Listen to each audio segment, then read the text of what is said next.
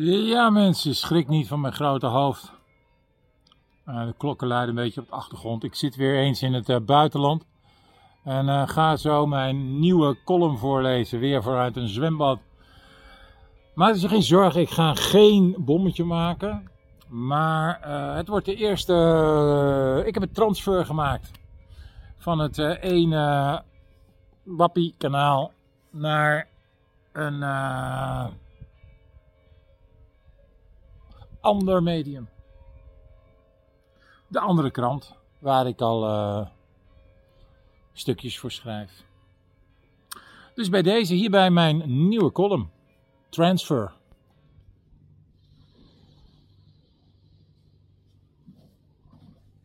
Zo, ja. Zo. De afgelopen tijd heb ik mijn huis opgeruimd mijn archief uitgezocht, gevist. Uh, drie keer per week getraind bij Mo in de sportschool, met de hond gewandeld en een reportage gemaakt voor de andere krant over een opvangcentrum voor Oekraïners in het West-Brabantse Zevenbergen, samen met mijn grote vriend, collega-journalist Twan Rongen. We werden vriendelijk verzocht te vertrekken naar kritische vragen over Zelensky, de rol van Amerika en de Azov-brigades.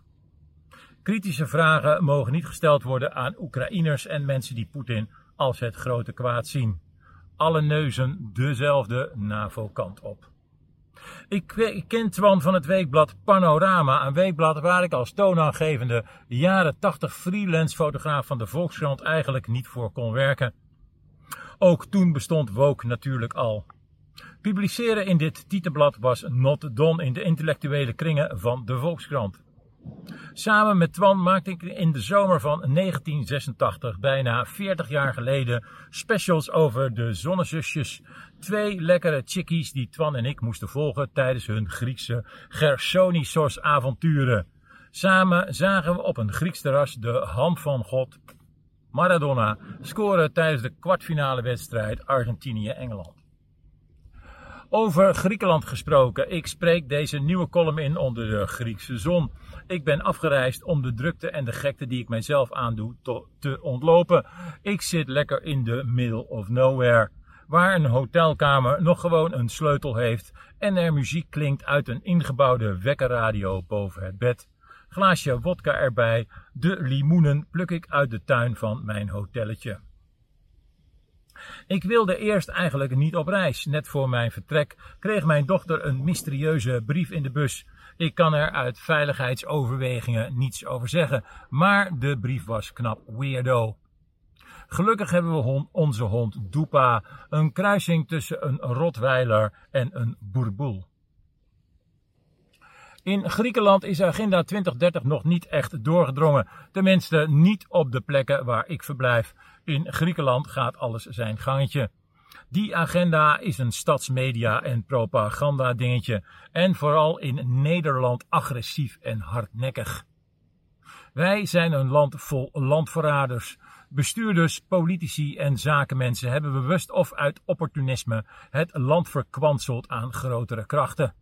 Wij zijn de modelstaat van het World Economic Forum met food hubs, datacentra, straks 15 minuten wijken en geprint vlees. Honderdduizenden migranten overspoelen het land. Boeren moeten wijken voor windmolens en woningen voor nieuwkomers. Eten moet uit de fabrieken van Unilever komen. Ik zag dat Klaus Schwab, de baas van het WEF, weer eens een bezoek heeft gebracht aan Rutte en Klaas Knot. Is het damage control van Klaus of gaat het WEF de plannen in Nederland er nog sneller doorheen duwen? We houden het in de gaten en blijven de mensen die de destructieve agenda 2030 aan het uitrollen zijn, vragen stellen. Waarom weer een vaccin? Waarom geen onderzoek naar de oversterfte?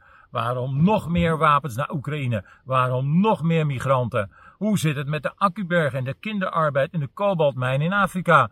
Om een elektrische zogenaamd schone Tesla te rijden. Is het echt zo makkelijk als man en vrouw te worden of andersom? Het antwoord is natuurlijk nee. Het is een levenslang traject van hormonen slikken. Er wordt een penis gefabriceerd die niet werkt. Mooi man. Superman. Voordeel is wel dat je als man meer gaat verdienen dan toen je nog een vrouw was. Of is dat inmiddels ook niet meer het geval? Ach, wat maakt het allemaal uit? De burgers worden voorgelogen door medici en de media, net als ze zijn voorgelogen over de vaccins. Het leven is niet zo maakbaar als wordt gesuggereerd. Hoe zit het toch met de oversterfte? Waarom mag die toch niet worden onderzocht? Wielrenner Nathan van Hooijdonk van Jumbo-Visma in levensgevaar na ernstig auto-ongeluk kopte de media half september. Als je het stuk leest, heeft Nathan een hartstilstand gehad in plaats van een ernstig auto-ongeluk. Ik wens hem het allerbeste. Inmiddels heeft hij zijn carrière moeten beëindigen. Gelukkig heeft zijn vrouw een zoon gebaard. maar is hij gevaccineerd? Is en blijft een relevante vraag. Vraag. De explosie aan hartaanvallen en hersenbloedingen komen niet uit de lucht vallen. Het enige dat is veranderd is de massale vaccinatie. Geen woord over een mogelijke relatie met vaccineren. De olifant blijft maar in de kamer staan. Vooral geen vragen stellen mensen. Het was een auto-ongeluk. Dat is wat ik bedoel. Er moet onderzoek komen naar de oorzaak van de hartaanval van Nathan van Hooijdonk en de vele anderen die hartaanvallen kregen als ze zijn gevaccineerd.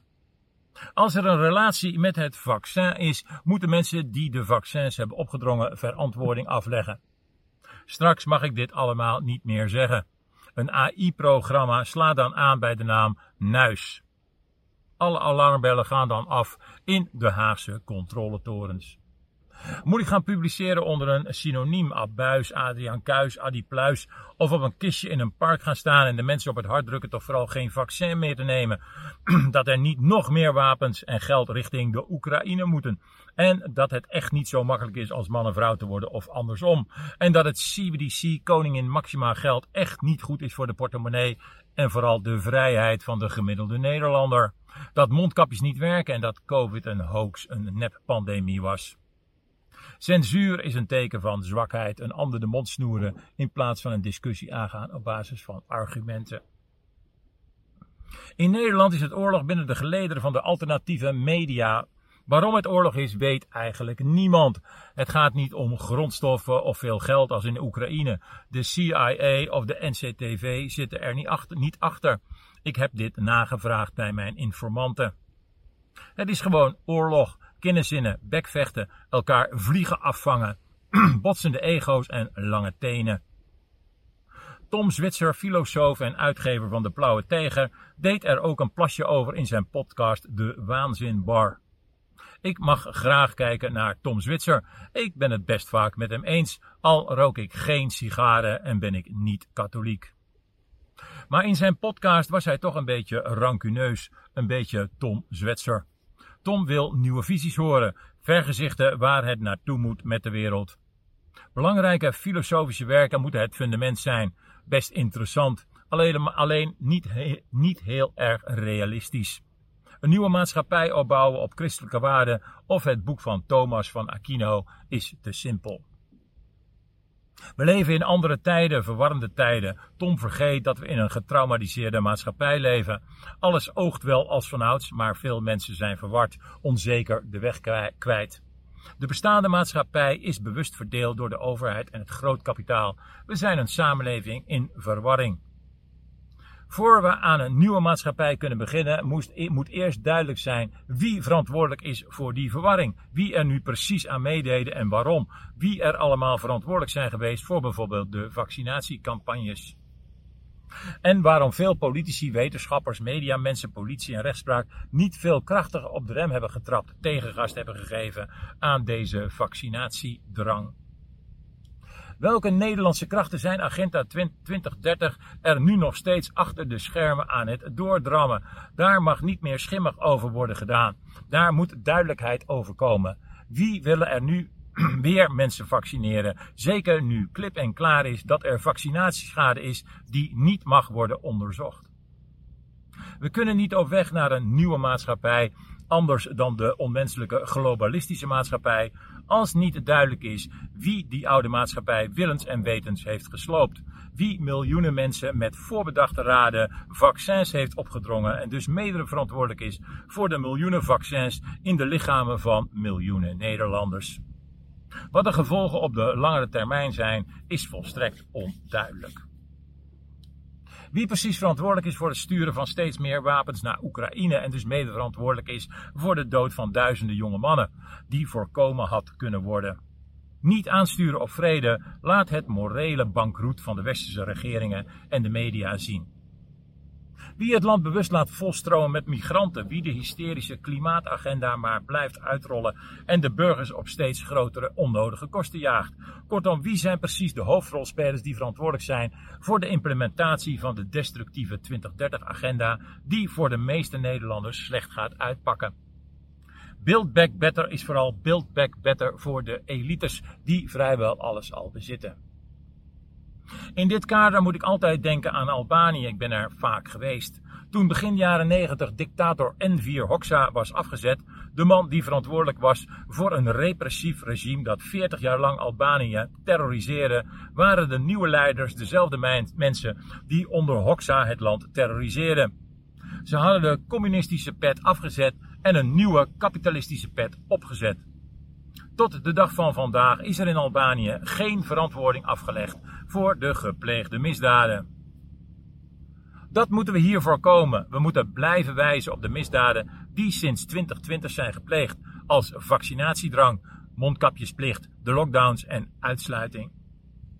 De mensen die hier, hiervoor verantwoordelijk zijn geweest in de overheid, de rechterlijke macht, de politie, de wetenschap en de media, moeten het veld ruimen voor we verder kunnen naar een nieuwe maatschappij. Die strijd is nu gaande. Het wordt een pittige strijd de komende tijd. Daarom is het niet zo verstandig als kritische krachten elkaar de maat gaan nemen. Als Atje voor vrede pleit ik dan ook voor om de vrede in Wappiland en de Oekraïne snel te sluiten. Op het Binnenhof zijn resten van grafkisten gevonden, schrijft het Rijswijkse Dagblad. Daar ligt de democratie, reageert ene Berry van Dijk. De democratie is de laatste 20, 30 jaar inderdaad langzaam om zeep geholpen, net als Café Weltsmets het laatste half jaar. Waar ik sinds 2020 mijn inmiddels 69 vrolijke columns voorlast met titels als Petrus en de QR-code, Het universum is van God, Kinderen zijn proefkonijnen, Atje voor vrede, blij met het vaccin, Mij, moeder en het virus. En vlucht Mark Rutte 2030. Ik ben verguisd en gecanceld. Ik was een moordenaar en een landverrader, een fascist, een rechtsextremist en een holocaustontkenner. Het zal allemaal wel. Ik spreek vanuit mijn hart, mijn levenservaring, mijn kennis, mijn intuïtie, namens mijn vader, mijn grootmoeder en mijn kinderen. Ik doorzag de leugens en de waanzin van de WHO, het World Economic Forum, het grootkapitaal, de banken, de imitatiedemocratie, Rutte en alle andere meelopers. Daar heb ik 69 columns over gepubliceerd op Café Weltsmets. Maar mijn carrière op het café is ten einde. Eigenaar Max van Kreeveld heeft naar eigen zeggen het kanaal overgedaan aan Rechts Nederland. Het was prachtig bij Café Weltsmets. Ik ben trots op mijn kleine bijdrage aan het tegengeluid tegen grote krachten. Ik kon mee naar het nieuwe kanaal van Max. Zelfs Tom Zwitser informeerde of ik mijn columns niet bij de Blauwe Tijger wilde voordragen. Wel gratis dan natuurlijk. Maar na lang wikken en wegen draag ik mijn columns sinds vandaag voor bij de andere krant. De focus van mijn columns liggen op vaccinatie, de oorlog in Oekraïne, geopolitiek, het World Economic Forum, de klimaatwaanzin, censuur, wie blies toch die Nord Stream gaspijpleiding op, de gecreëerde migratie, de beroving van de middenklasse, de woke nonsense, de brand op Maui, Hawaii en niet te vergeten mijn eigen kleine bestaan. Want wie het kleine niet eert, is het grote niet weert. Ik blijf mijn bescheiden mening dus verkondigen. U bent nog niet van mij af.